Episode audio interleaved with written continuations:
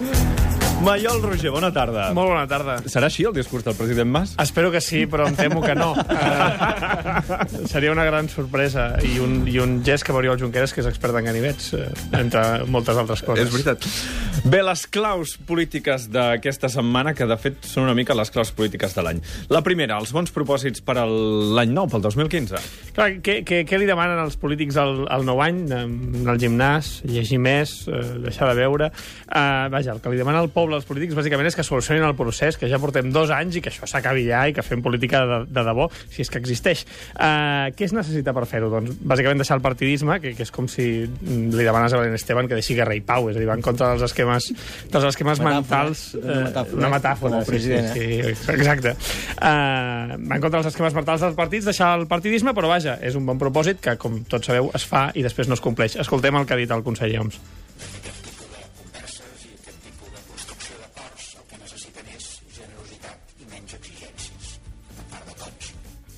Sort que ha afegit aquest per part de Sí. tots, perquè si no ens pensàvem que anava dirigit a Oriol Junqueras, que casualitats de la vida eh, feia poc que havia dit que, que, vaja, que exigia que convoqués eleccions al president, deia que els pressupostos res de res, que ells no volien assumir aquestes retallades. Eh, per cert, us comunico una gran resposta de Carme Chacón a Twitter a la demanda de Junqueras. Ha dit, resulta que ara els d'esquerres els d'esquerres són d'esquerres.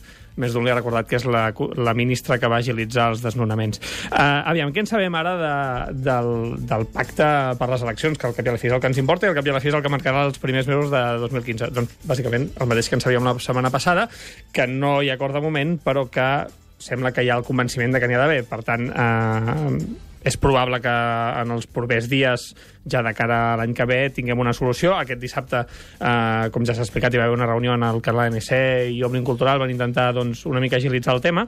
Eh, què vol el president? El president vol assegurar-se una llista guanyadora amb majoria ampla. Això en teoria era la llista unitària, però què passa si és amb llistes separades? Què passa si, per exemple, Carme Forcadell anés de número 2 del president Mas? I això li assegurés un de l'ANC.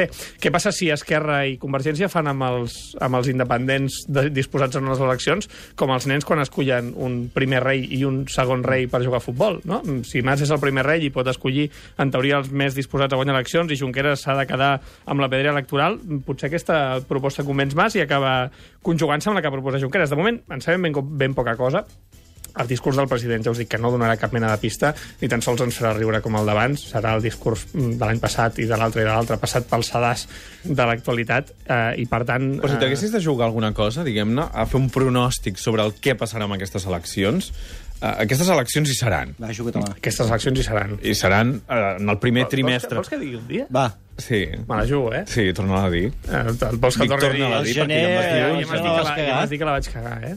Eh. Ah, Tu vas dir el 25 de gener. Deixa'm...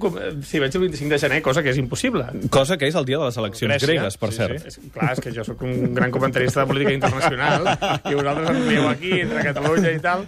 Uh, deixa'm comprovar primer quin dia és diumenge, no? Exacte, Perquè, sí. si no... Uh, va, doncs diré 22 de març. 22 de març, eh? No ho he consultat amb la trotista. Per què 22 de març? Us preguntareu. Per què? Per què? Perquè el 20 de març, el dia del tancament de la campanya electoral, farà anys de farà 25 anys, perdó, 35 anys ja, de les primeres eleccions a Catalunya, que va guanyar un senyor que es deia Jordi Pujol, no sé si us recordeu d'aquest senyor. Uh, Sap què era? sí, sí, sí.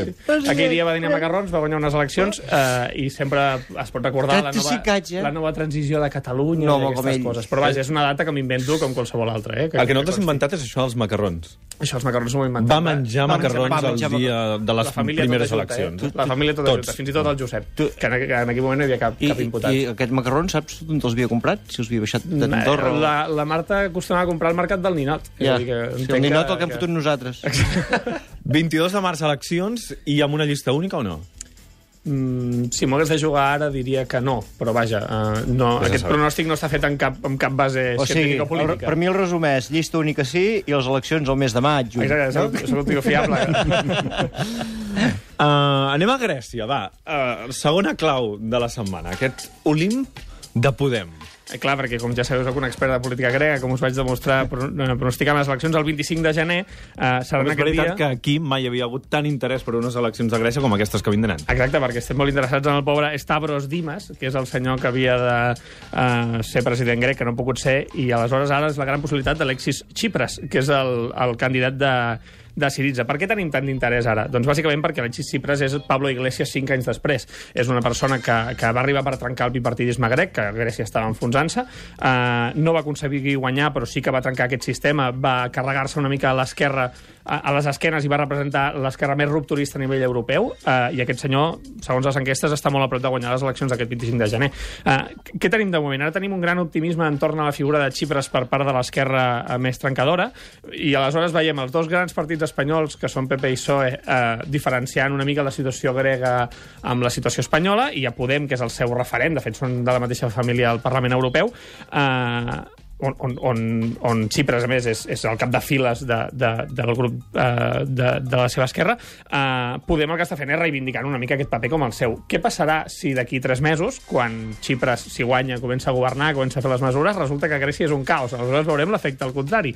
Veurem PP i PSOE eh, amb l'espantall de que Podem voldrà fer el mateix, amb un efecte que, que, que pot tenir, és a dir, hi ha un cert, vol, un cert vot de Podem que és molt volàtil, que es pot veure molt modificat per, per aquesta campanya de la por, que es podria produir si fos un caos. Què passa si les solucions de Siritza són una meravella, doncs que Podem té més possibilitats. A nivell català, mm, les expectatives de Podem són una mica les mateixes, mm, reduint una mica el seu pes electoral, però la seva irrupció també es veu, es veu afectada per això, i recordem que aquí es va intentar crear una, una Siritza catalana, que és una proposta d'iniciativa que va, bé, va tenir el mateix èxit que Douglas al Barça, per posar un exemple. I la tercera clau d'aquesta setmana ens ha de servir una miqueta per uh, fer balanç del 2014 que deixem enrere. Ha estat l'any de la caiguda dels mites. Sí, han caigut molts mites. Volia fer una mica de balanç, l'última clau de l'any, que gairebé m'emociono.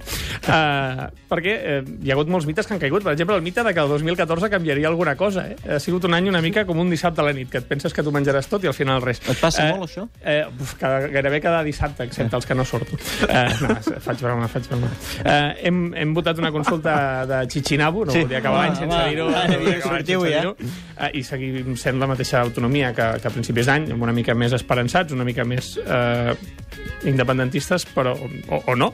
Eh, però vaja, que en el fons seguim sent la mateixa autonomia eh, que ha d'alimentar-se del fla espanyol i de, i, de, i, de, i, i de la vida autonòmica, en el fons, que no em surten ni les paraules. Uh, també s'ha caigut el mite de si l'estat espanyol no ens deixa votar, la Unió Europea ens empararà. Mm. Ja hem vist que és mentida, empararà com a molt és un ritme de passo doble i ja paro amb les parides. I també ha caigut un altre, un altre mite, que és que el PSC no podia caure més, mentida. Uh, més mites que han caigut, com deien ara en Podem, ha caigut el mite del bipartidisme espanyol, que era una cosa intrancable, a cop de poeta sembla, a cop de coeta, no de poeta, sembla que s'acabarà trencant. I el mite del món honorable, el mite de Catalunya, el Home, mite de Jordi Pujol, que dèiem, no? Aquest és el gran mite que ha caigut. A més, ha caigut ah. físicament amb aquella estàtua i físicament ell a les escales de Caralps en una imatge que us recomano. El mitjó, el mitjó. El, el mitjó, exacte. Eh, vaja, un referent a seguir fins al 25 de juliol a dos quarts de vuit de la tarda. T'has deixat en Núñez, eh? Home, però Núñez ja no era un mite, ja era un lladre de fa temps. No? Gràcies, Maiol Roger, que tinguis bona entrada d'any. Igualment a vosaltres. Adéu.